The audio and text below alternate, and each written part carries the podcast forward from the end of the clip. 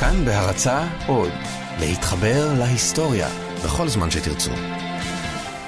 We had penetrated two chambers, but when we came to a golden shrine with doors closed and sealed, we realized that we were in the presence of the dead king. We were to witness a spectacle such as no other man in our times had been privileged to see. חדרנו לשני חדרים, אך כשנתקלנו במקדש זהב עם דלתות סגורות וחתומות, הבנו שאנחנו נמצאים בנוכחותו של מלך מנוח. ראינו מחזה שלאף אדם בזמננו לא הייתה הזכות לראות. זהו קולו של האוורד קרטר, הארכיאולוג המפורסם בעולם, שמספר על הרגע בו גילה את קברו של המלך המצרי תות אנח אמון. מעולם לא התגלה קבר עתיק במצב כה מושלם, מלא באוצרות יקרים שלא נבזזו, וחתום במשך כמעט 3,500 שנה. לא הרבה זמן חלף, ולורד קרנבון, שהיה שותף לרגע ההיסטורי, מת מזיהום בדם בעקבות עקיצה שהזדהמה. הבית של ברוס אינגרם, חבר של קרטר, נשרף. כשנבנה מחדש, נהרס שוב בהצפה. מבין כל הנוכחים בפתיחת הסרקופג של המלך הנער, שמונה מתו בנסיבות תמוהות. גם האוורד קרטר.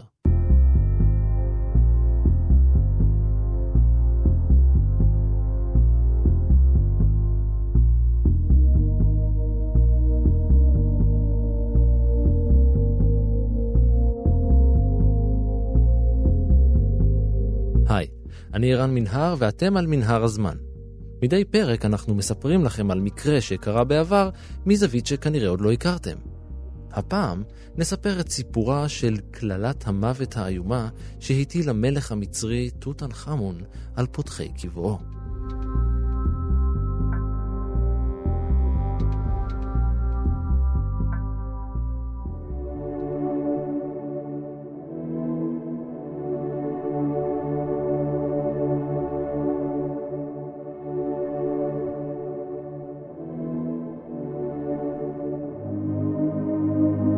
בשנת 1343 לפני הספירה נולד במצרים תינוק.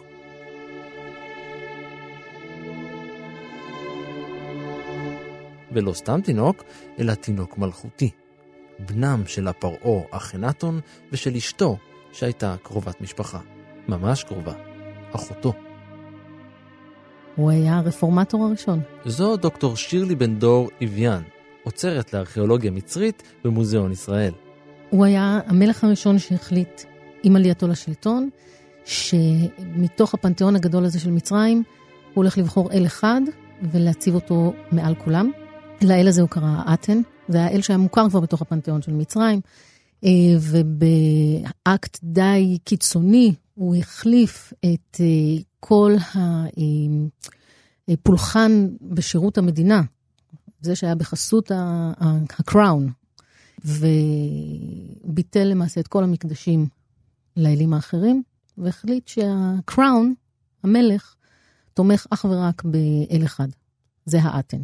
מחקו את שמו מכל רשימות המלכים, אה, את העיר שהוא הקים לכבוד האתן ושאליה הוא העביר את עיר הבירה, אה, נטשו, היא כוסתה בחול ונשכחה, והם הצליחו. עבד מצוין, על אחנתון בכלל לא ידענו, למעשה. עד שבסוף המאה ה-19 התחילו למצוא אה, חלקים של מכתבים אה, כתובים בכתב הכדית, כתב יתדות. אה, וכשהארכיאולוגים הלכו לחפש מאיפה זה בא, מצאו איזשהו, איזושהי דיונה, אתר מכוסה חול, וגילו את העיר הזו הנשכחת, וככה גילו את תכנתון. בני הזוג פרעה קראו לבן שלהם תות אנח אתון, דמותו החיה של אתון, השמש.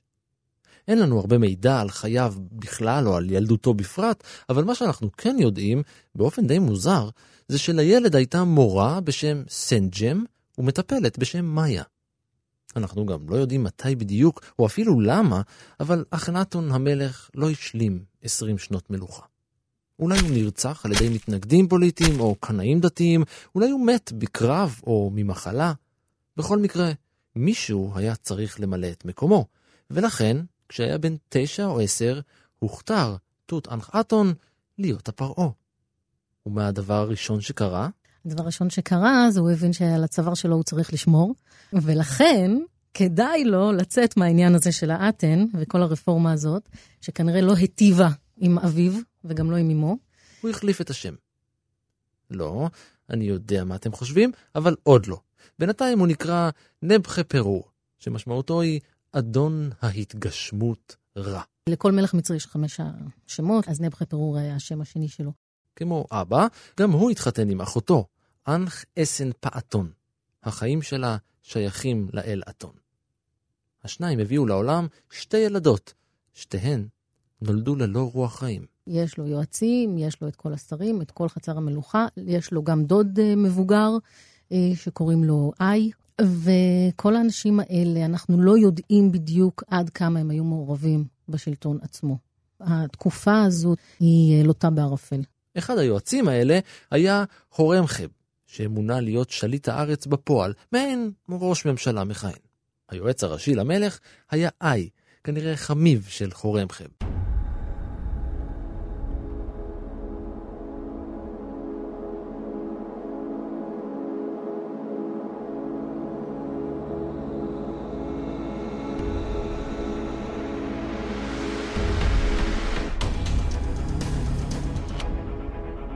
בשנה השלישית לשלטונו, כשהיה רק בן 11, הוא החליט, לבד לבד, בכוחות עצמו, כי הוא כבר ילד גדול, להסיר את החרם מפנתיאון האלים המסורתי של מצרים. ברור לכם שהיועצים התערבו, כן?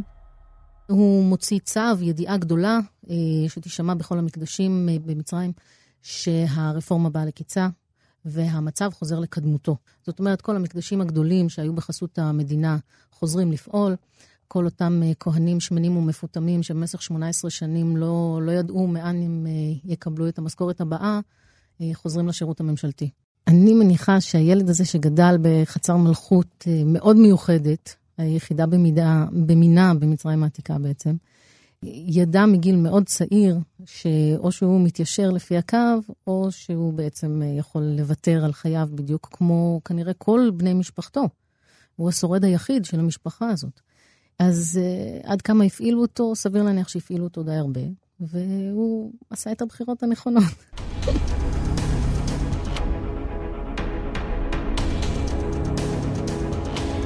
במהלך תקופת שלטונו החלה המהפכה של אבא שלו להתהפך בחזרה. אחרי שהדת בממלכה חזרה להיות מה שהייתה לפני אבא שלו, האל הראשי אתון פינה את מקומו שוב לאל אמון, ונבחה פרו שינה את שמה של אשתו והפך אותה לאנח אסן אמון. החיים שלה שייכים לאל אמון. הוא גם החליף את שמו. מאותו הרגע ועד היום הוא נודע כתות אנח אמון, דמותו החיה של האל אמון.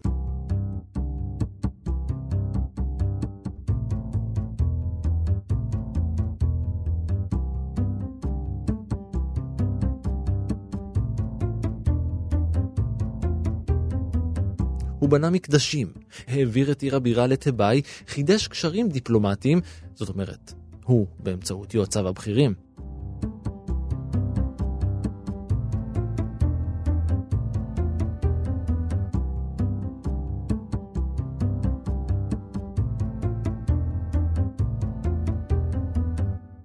רק שאנחנו לא יודעים כמעט כלום על ימיו האחרונים של המלך המצרי המפורסם בעולם, אנחנו לא הכי בטוחים אפילו ממה הוא מת.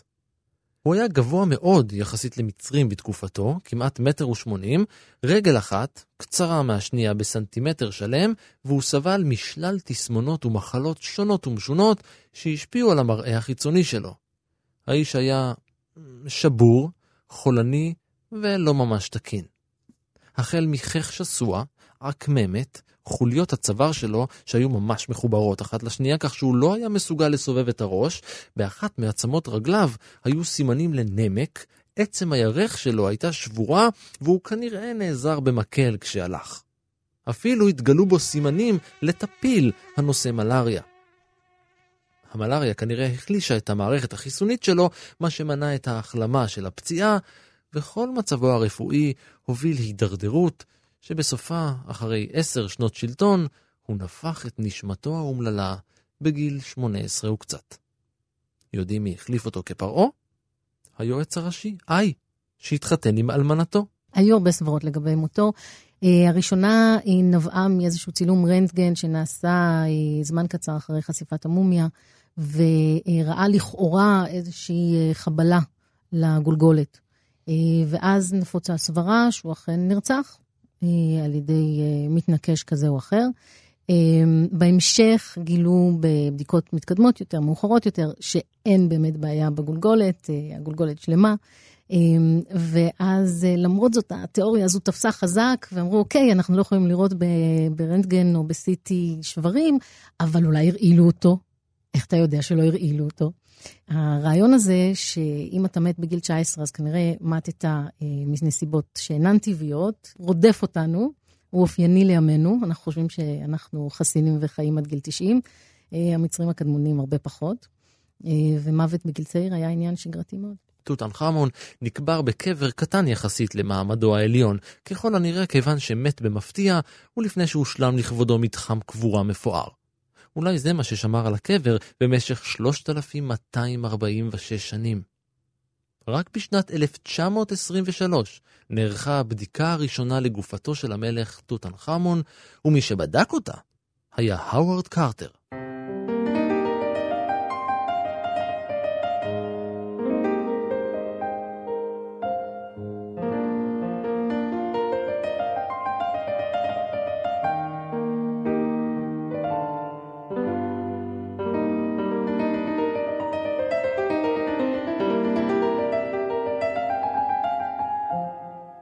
סמואל ג'ון קרטר היה צייר ואומן מצליח בלונדון של סוף המאה ה-19. במאי של 1874 נולד לו ולאשתו מרתה ילד שזכה לשם האוורד.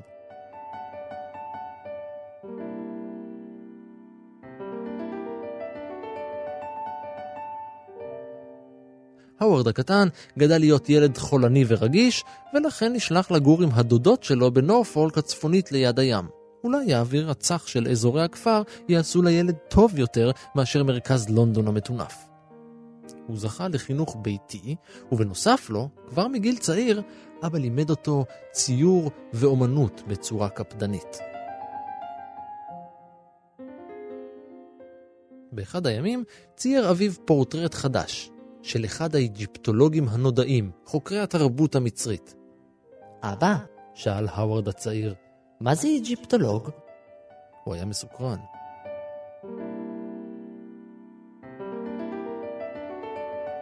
לקראת סוף המאה ה-19 כבר למעשה פענחו את, את כתב החרטומים.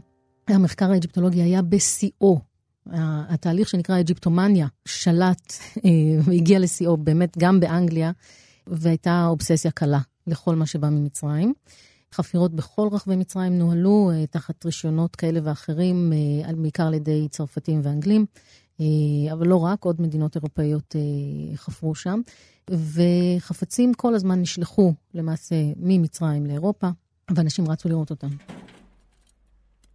אלה היו הימים בהם מצרים הייתה בשליטה בריטית מלאה, והארכיאולוגים של הממלכה החלו לפנות את החולות מעל הסודות של הפרעונים.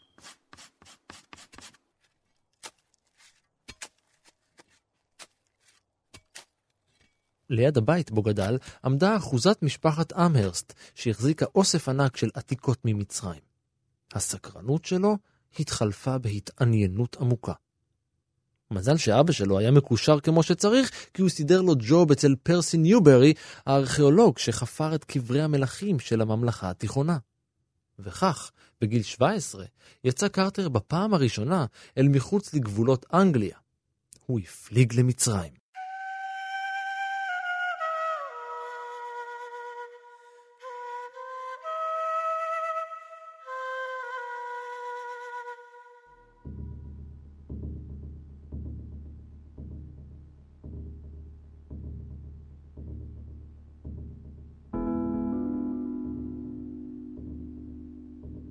התפקיד שלו היה לצייר. הוא היה צריך לתעד את הממצאים בציור. והוא היה טוב בזה. ממש טוב. הוא אפילו המציא הרבה שיטות להעתקה של תחריטי קיר וממצאים נוספים. לא חלפה שנה, וקרטר עבר לעבוד תחת ארכיאולוג אחר באתר אחר. ואז שוב, ושוב, ושוב. במשך כמה שנים הוא עבד עבור כמה וכמה ארכיאולוגים בכמה וכמה אתרי חפירות. ב-1899, כשהוא בן 25 וללא הכשרה פורמלית בארכיאולוגיה, הוא קיבל הצעה מרשות העתיקות לבוא ולעבוד אצלם, בהתחלה כאומן הראשי, ואז כמפקח על כל החפירות הארכיאולוגיות במצרים, לפחות בחלק הצפוני שלה. המפקח הוא זה שמתווה למעשה את המדיניות, הוא אומר איפה חופרים, כמה חופרים, מי חופר, למה חופרים וכן הלאה. גם בתיבאי, אה, גם אה, דרומה מתיבאי. תיבאי העתיקה היא לוקסור של ימינו. בעצם היא הבירה הדתית של מצרים. אה, בתקופה הזאת, תקופת הממלכה החדשה, כשהבירה עצמה, הבירה השלטונית, נמצאת בממפיס. ממפיס היא ליד קהיר של ימינו, כמעט ואי אפשר לחפור אותה בגלל שקהיר משתרעת מעליה. טבע עצמה, מעבר לעובדה שיש בה את המקדשים העיקריים לאל המון ועוד מקדשים כאלה ואחרים, היא אזור הקבורה. זאת אומרת, במערב תבאי, בגדה המערבית של הנילוס, תבאי נמצאת על הגדה המזרחית, בגדה המערבית נמצא אה, הנקרופוליס, בית הקברות של תבאי, אה, ובו אה, מתחילים להיקבר בשושלת 18, כלומר, קצת לפני התקופה הזו של אחנתון, כל המלכים המצריים בעמק סודי. ולצידם, במקומות פחות סודיים, נקברים האצילים של תבאי. אה, אז אה, מתחילים לחפור קברים פרטיים וקברים מלכותיים. במקרה של קרטר, הוא היה אדם, אה, איש עקרונות. אז הפיקוח הזה היה מבחינתו דבר חשוב. להגן על העתיקות, להגן על החפירות, לדאוג שהדברים נעשים בצורה אתית, שהם לא סובלים מ... האספנות והשוד באצטלה אקדמית שהיה מאוד נהוג בזמן ההוא, וככה הוא גם למעשה איבד את הג'וב הזה, בגלל העקרונות שלו. קרטר היה כוכב עולה ברשות העתיקות המצרית. הוא המציא שיטות חדשות לחשיפה ולשימור של אתרי עתיקות, ופיתח מערכת לחיפוש קברים חדשים. רשות העתיקות אפילו הסכימה לממן חפירות שהוא יזם והוביל. הוא אשכרה הפך להיות ארכיאולוג בלי ללמוד ארכיאולוגיה, דרך עבודת שטח ולימוד עצמי. כעבור שש שנים ברשות, ב-1905, פרץ עימות בין שומרים באתר הארכיאולוגי בסקרה ובין תיירים צרפתים שיכורים שהחלו להכות את השומרים. בהנחיית קרטר, השומרים החזירו להם. אחרי שהתיירים התלוננו לבכירים, קרטר סירב להתנצל והתפטר. לא, הוא גם לא מחזיר את הכסף. הם רצו חזרה את השלושה כרטיסים שהם כן, כן, כן קנו. הם היו 12 איש, בסוף הם הסכימו לשלם עבור שלושה כרטיסים. הם נכנסו ולא היה אור, לא היו נרות, הם ביקשו את הכסף בחזרה, הוא אמר, מה פתאום?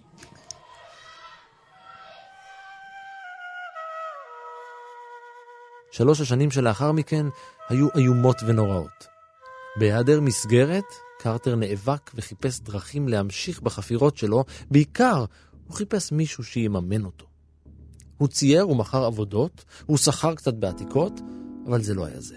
ארכיאולוגיה זה חיידק, במיוחד אם אתה כמו קרטר עובד במצרים עצמה ונכנס uh, כמה פעמים לקברים כאלה, שזו הפעם הראשונה שאין אדם שעוזבת אותם מזה שלושת אלפים שנים, uh, אתה לא יכול למצוא אחר כך משהו בעולם הזה שירגש אותך באותה מידה. Uh, וגם הידיעה, שוב, היה פה עניין עקרוני אצל קרטר.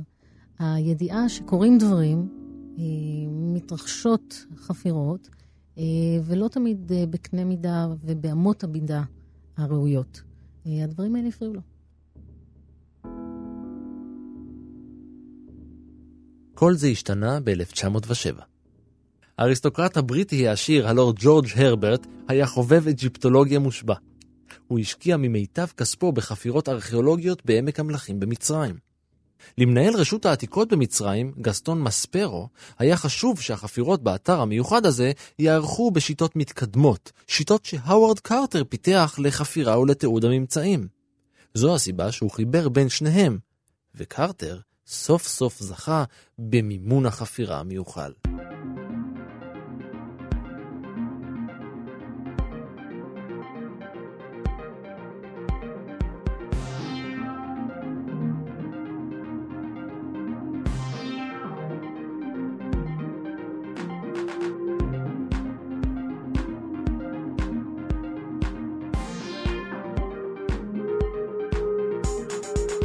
במסגרת העבודה שלו, קרטר גילה שושלת מלכים לא מוכרת, וביניהם פרעה אחד, אלמוני, שעלה לשלטון בגיל תשע או עשר, ומת בגיל שמונה עשרה ומשהו.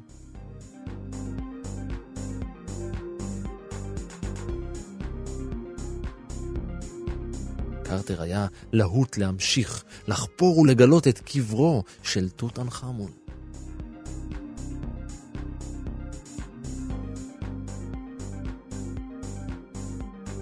עד 1914 הוא גילה שישה קברים בעמק המלכים, ואז הופסקו כל החפירות. בכל המדינה. מלחמת העולם הראשונה פרצה ועצרה את כל העבודות עד 1917. אבל גם אחרי המלחמה, קרטר לא מצא את הקבר המסתורי. גם לא בשנה שאחר כך. גם לא בשנה שאחרי. גם לא חמש שנים אחר כך. חמש עשרה שנים חלפו, והאוורד קרטר לא מצא את הקבר.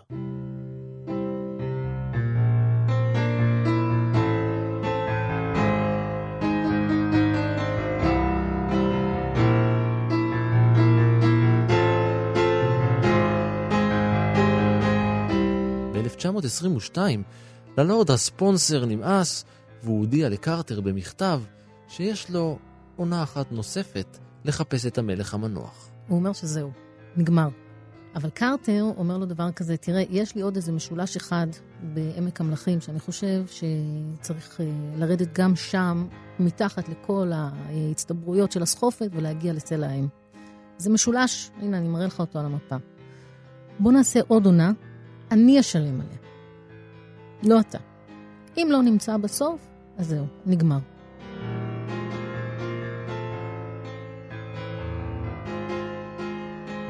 קרנרבן כל כך מתרגש מהנכונות הזאת של קרטר להוציא את כל מה שנשאר לו על המשולש הזה, שהוא אומר לו, בסדר, נעשה עוד עונה אחת, אבל אני אשלם עליה.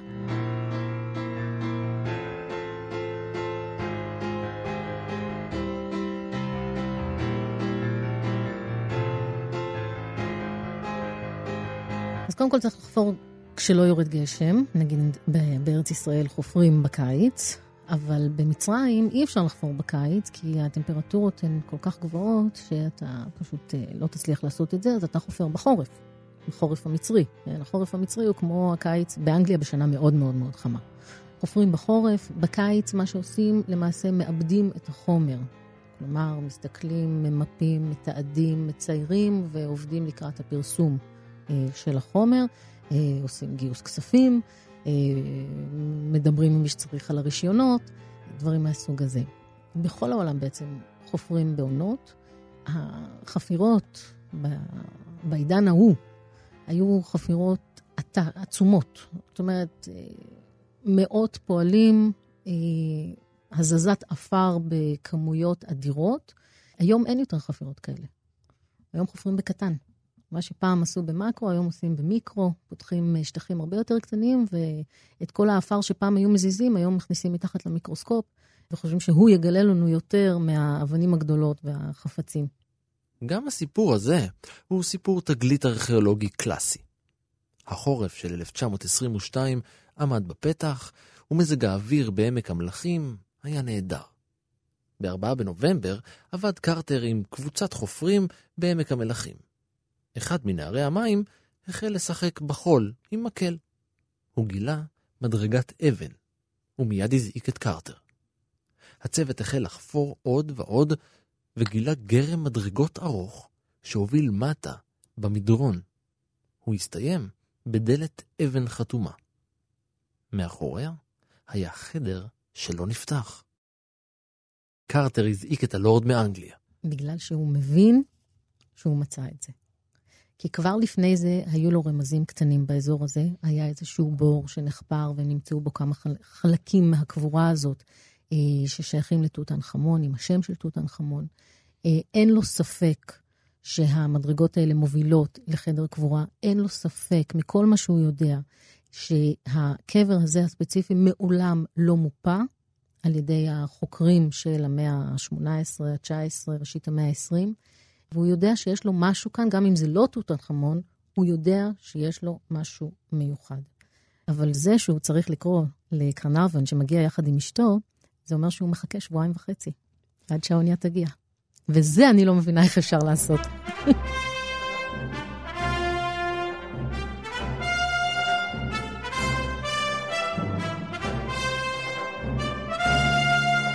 כמו שודדי הקברים בעת העתיקה, גם קרטר, אנשי הצוות שלו והלורד המממן היו מעוניינים בעיקר באוצרות ובתכשיטים שיגלו, ופחות במומיות ובתרבות הארכיאולוגית. רוב הקברים שהתגלו ועדיין מתגלים כיום כבר נבזזו בעבר הרחוק, ולכן מציאת חדר סגור בעמק המלכים הייתה אירוע משמעותי. הסיכוי לקבר שלא התגלה היה גבוה ביותר. כעבור שבועיים שלושה הגיעו אל הדלת המסתורית קרטר, הלורד, הבת שלו, וקהל של סקרנים וצלמים. אף אחד לא ידע עוד אם מדובר בקבר או במטמון של אוצרות. קרטר שלף איזמל שקיבל מסבתא שלו כמתנת יום הולדת בגיל 17, והחל לחצוב בפינה השמאלית העליונה של הדלת. הוא המשיך עד שפער פתח מספיק כדי להציץ פנימה. הוא הרים נר והסתכל. נו, שאל הלורד, אתה יכול לראות משהו? כן, השיב קרטר. דברים נפלאים. החדר היה עמוס באוצרות זהב, פסלים ותכשיטים. קודם כל, חשוב להגיד, הוא חופר בפינה השמאלית העליונה, כי הוא רואה ששם כבר הייתה פעם חפירה, ושזו חתימה אה, חדשה, חדשה יחסית, כן?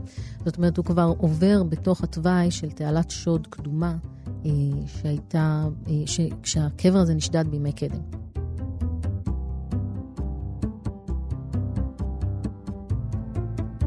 כשהוא אה, מכניס ככה את הנר, כן, קודם כל בשביל אה, הגזים הרעילים, כן, כדי לוודא שהוא לא הולך אה, למות שם, בו במקום, הוא אה, רואה קודם כל זהב. וזה הדבר אולי הכי מרשים. אתה יודע, זהב, לא משנה כמה שנים הוא קבור באדמה, 3,000, 5,000, זה לא משנה, הוא תמיד אה, ינצנץ בצהוב חזק ומבריק. והחדר החשוך בעצם מנצנץ מזהב ממיטות, מקנקנים, מכיסאות שעשויים עץ מצופה זהב, מכל מיני תיבות יפהפיות גם עשויות עץ מצופות זהב. הוא נכנס בעצם לחדר המבוא. חדר המבוא הוא סוג של מחסן. ממש מול הפתח, בין שני פסלים, ראה קרטר פתח נוסף, חתום בבריח. זה לא היה קבר ולא מטמון של אוצרות. זה היה גם וגם.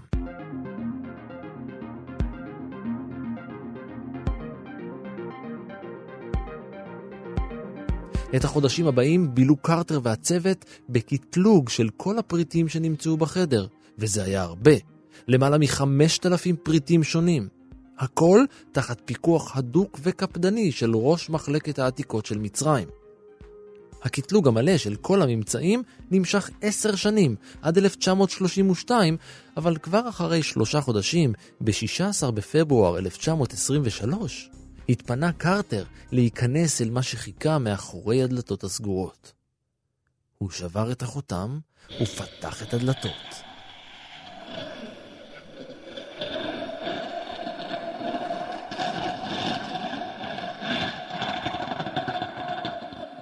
מה שהוא רואה זה מקדשון עשוי זהב, אה, שמכסה את הסרקופג מלמעלה. המקדשון הזה הוא למעשה חמישה מקדשונים, אחד בתוך השני. כשמרימים את המקדשון האחרון, אז רואים את הסרקופג. כשמרימים את הסרקופג, את המכסה של הסרקופג, אז יש בפנים שלושה ארונות קבורה נוספים בצורת אדם, וכאשר מרימים את שלושתם, אז מגיעים בסוף לראות את המסכה היפה המפורסמת מזהב שמכסה את פני המומיה של תותנחמון. קרטר ראה לראשונה זה יותר משלושת אלפים שנה את ארון הקבורה, הסרקופג של תותנחמון, שהיה עשוי זהב טהור. הקבר המלכותי היחיד שנמצא כשהוא אינו אה, שדוד, אינו פרוץ, אה, הוא הקבר של תותנחמון. למעשה כל שאר הקברים בעמק המלכים נמצאו כשהם עברו כבר ביזה כזאת או אחרת, לפעמים הרבה, לפעמים מעט, אבל ללא ספק כבר נכנסו אליהם בימי קדם, אם בימי הקדם הקדומים יותר או המאוחרים יותר. בין השאר, נמצאו בו גם פגיון עם להב ברזל שעשוי ממטאורית. כמעט כל חפצי הברזל בתקופה הזאת, אנחנו במאה ה-14 לפני הספירה, הטכנולוגיה של הפקת ברזל מהמחצבים הטבעיים עדיין אה, אינה קיימת, ואת החפצים מברזל, כולם עשויים מברזל מטאוריטי, אה, ויש גם אה, טקסטים של המצרים הקדמונים שמספרים על זה שזה נקרא הברזל שנופל מהשמיים. בקברו של תות ענח' אמון נמצאו גם שתי מומיות זעירות, בנותיו, שנולדו מתות. כמה חודשים לאחר מכן נכנסו יחד עם קרטר גם הלורד וביתו.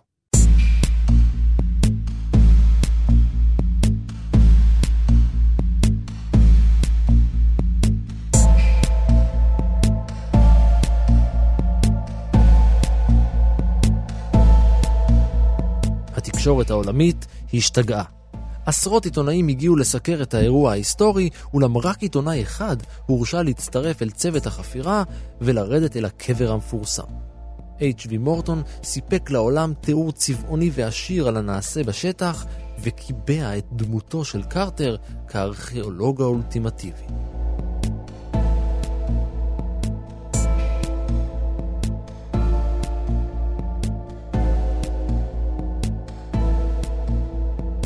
העיסוק התקשורתי בעתיקות של מצרים ובאג'יפטולוגיה התעורר ביתר שאת בעולם והפך למקצוע של ממש. אבל אותו עיסוק תקשורתי גרם גם למשהו נוסף. ביום בו נפתח הקבר, שלח קרטר שליח אל ביתו. כשהתקרב השליח אל הבית, שמע קולות בכי חלושים. כשהגיע אל פתח הבית, ראה את כלוב הכנרית של קרטר פתוח, ונחש קוברה מתפתל בתוכו לאחר שטרף את הציפור המסכנה. כידוע, נחש הקוברה הוא הסמל של בית המלוכה המצרי. ולכל פרעה יש על המצח את הדמות של נחש הקוברה אה, בתנוחה, תקיפה, יורק אש, והדמות הזאת נקראת האוראוס. וזה הנחש שמגן על המלך. נחש קוברה מלכותי טורף ציפור על פתח ביתו של קרטר בדיוק ביום בו נחשף קברו של המלך הנושא דמותו של הקוברה, השמועות החלו להתרוצץ. והן הגיעו עד לניו יורק טיימס, שדיווח על כך ב-22 בנובמבר 1922. אבל זה לא היה השיא. באמצע חודש מרץ, כתבה הסופרת והמיסטיקנית מארי קורלי בניו יורק וורלד, שלפי הבנתה, באיזשהו ספר עלום מופיעה אזהרה מפני עונש נורא שיושת על כל מי שיפתח קבר חתום. שבועיים לאחר מכן, בחמישה באפריל, מת הלורד.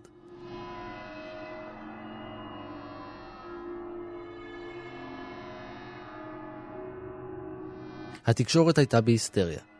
דיווחים החלו להשתולל על אודות קללה שנמצאה בקבר המלך תות. אפילו בניטו מוסוליני, שהחזיק ברשותו מומיה שהוא קיבל במתנה, הורה להוציא אותה מיד מארמונו. הסופר ארתור קונן דויל הוסיף עוד לטירוף הכללי, כשהעלה סברה לפי מותו של הלורד נבע מלחשים שהשאירו אחריהם הכהנים במצרים לאחר שחתמו את הקבר. לא מעט מקרי מוות ואסונות נקשרו בקבר של הפרעה המצרי. בחודש מאי מת בריביירה הצרפתית ג'ורג' גול, שביקר בקבר וחטף קדחת. ביולי רצחה מרגרית אליבר את בעלה, הנסיך עלי כמאל ביי, לאחר שצולם מבקר בקבר. בספטמבר מת אחיו של הלורד. בינואר 1924 מת האיש שצילם את המומיה ברנטגן. ב-1925 נשרף ביתו של סר ברוס אינגרם, חבר של קרטר שקיבל במתנה משקולת נייר עשויה מכף יד של מומיה. תוך כדי בניית הבית מחדש, הוא הוצף. בסך הכל, מתוך כמעט 60 איש שהיו נוכחים בפתיחת הקבר וביקרו בו, פחות מעשרה מתו ביותר מעשור שלאחר מכן. קרטר עצמו לא האמין בקללה, במיוחד כשלא הייתה קללה. תראה, עשרה מתוך 60 זה אומר שהקללה לא מוצלחת. אז אה, או שהייתה, או שלא הייתה, או שהיא הייתה לא מוצלחת, ואתה יודע, בכל מקרה. תראה, לגבי קרנרבון, שהוא בעצם זה שהתחיל את העניין הזה, רק אחר כך חיברו את הסיפור הזה של אה, כל הדברים הנוספים. קרנרבון נעקץ על ידי אה, יתוש, הפצע הזדהם כי הוא התגלח, וכתוצאה מזה הוא פיתח זיהום, לא היה פניצילין, והוא נפטר כעבור זמן קצר, אבל הוא נפטר מדלקת ריאות. וצריך לזכור שקרנרבן היה אדם חולה ופגיע מלכתחילה. למה הוא הגיע בכלל למצרים? הוא הגיע למצרים מכיוון שבימי uh, ההוללות שלו כצעיר, הייתה לו חיבה למכוניות מרוץ. הוא אהב uh, לנסוע מאוד מאוד מהר, uh, והוא נפגע בתאונת דרכים. ולאחר מכן הוא הפך להיות חולני ושבור, עוד אחד שבור. בגלל זה קרטר וקרנרבן הסתדרו כל כך טוב. אז אה, לא קללה ולא בטיח. כאמור, המטרה הראשית בחיפוש אחרי קברו של המלך תות הייתה מציאת אוצרות. וכשהתגלתה גופתו החנותה של המלך, היא מיד נבדקה. זאת אומרת, הושחתה כמעט לגמרי כדי לחלץ ממנה את האוצרות שהוחבאו בין התכריכים. כדי לעשות את זה, הם חתכו את המומיה לחלקים. הם ניתקו את הרגליים והידיים, חתכו את הטורסו, מרכז הגוף, לשניים, ניתקו את הראש, כיוון שמסכת הזהב המפורסמת חוברה באמצעות שרף לאור הפנים של המומיה, הם השתמשו בסכינים מחוממות כדי לנתק אותה. המצב של המומיה כמובן לא טוב, אתה צריך לזכור שהתהליך של החניתה, כשהוא עובד טוב, במקרה הזה הוא עבד די טוב, כלומר הגופה עצמה הייתה חנותה במצב די טוב, אז, אז יש שאריות של רקמות, יש שאריות של אה, אה, שיער, אין בעיה לעשות ארטיקולציה מחדש של החלקים האלה של השלד. אבל זה כבר לא המומיה שהייתה כמובן. ב-2010 פרסם העיתון דר שפיגל כתבה בה מועלות טענות כי קרטר שדד אוצרות מתוך קברו של המלך. לפי העיתון, קרטר, שהפך לסלבריטי בן רגע, הוא אפילו הוזמן לתה אצל נשיא ארצות הברית קלווין קוליג', זייף רישומים, ערך צילומים ורימה את רשות העתיקות המצרית. הוא רצה להעביר את רוב האוצר שגילה לבריטניה וארצות הברית, אבל רשות העתיקות הייתה בידיים צרפתיות, והצרפתים ממש לא היו מרוצים. בסופו של מאבק נותרה התגלית ההיסטורית במצרים. זו הגרסה הרשמית. כי בסודי סודות, אומר דר שפיגל, קרטר והחבר'ה שלו העלימו מהקבר פריטים בכיסים. יותר ויותר מוצגים במוזיאונים ברחבי העולם מתבררים להיות חלק מהקבר של תות. פעם אחת אפילו נתפס קרטר על חם כשהוא מנסה לגנוב פסל מהקבר, אבל איכשהו יצא מזה והסיפור הושתק. הוא פרש מארכיאולוגיה לאחר סיום קטלוג אלפי הפריטים שנמצאו בקברו של הפרעה הנער, ועבר לעסוק באוצרות בכמה מוזיאונים. הוא מת בשנת 1939 בגיל 64 מלימפומה.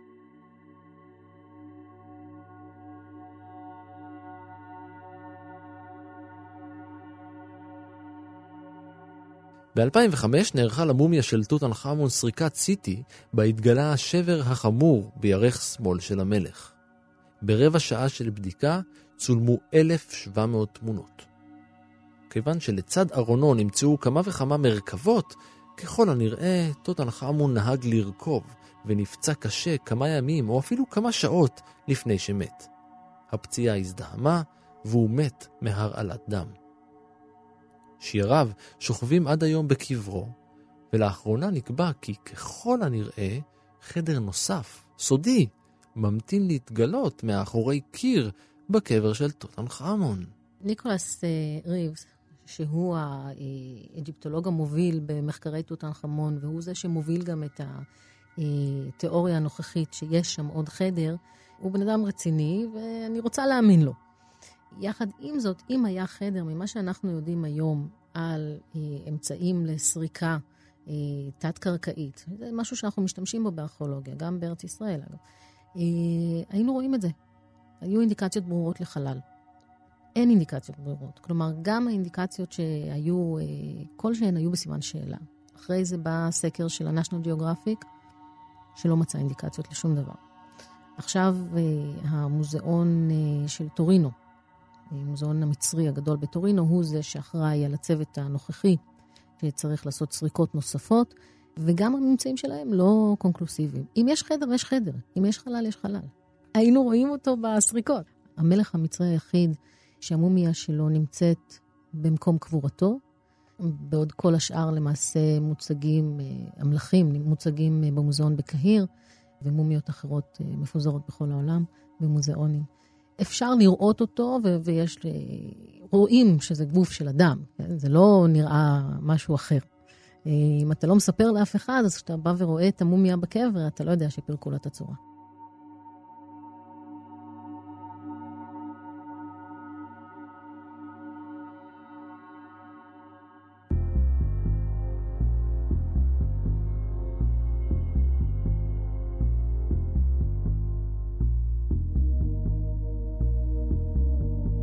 ועד כאן מנהר הזמן להפעם.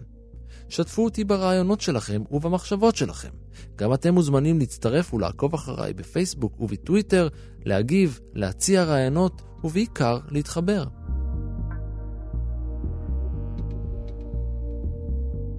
עוד סיפורים מההיסטוריה ופרקים נוספים של מנהר הזמן מחכים לכם גם באתר שלנו וגם באפליקציית כאן אודי, או בכל אפליקציית פודקאסטים שהמכשיר שלכם אוהב. תודה לשירלי בן דור אביאן, תודה גם לאור מנהר שנחתם בחדר סודי והיה על ההפקה, ולניר גורלי שגילה אותו שעה אחר כך והיה על העריכה. תודה גם לדנה בר קגן על בדיקת העובדות. אני ערן מנהר, נשוב וניפגש בפרק הבא.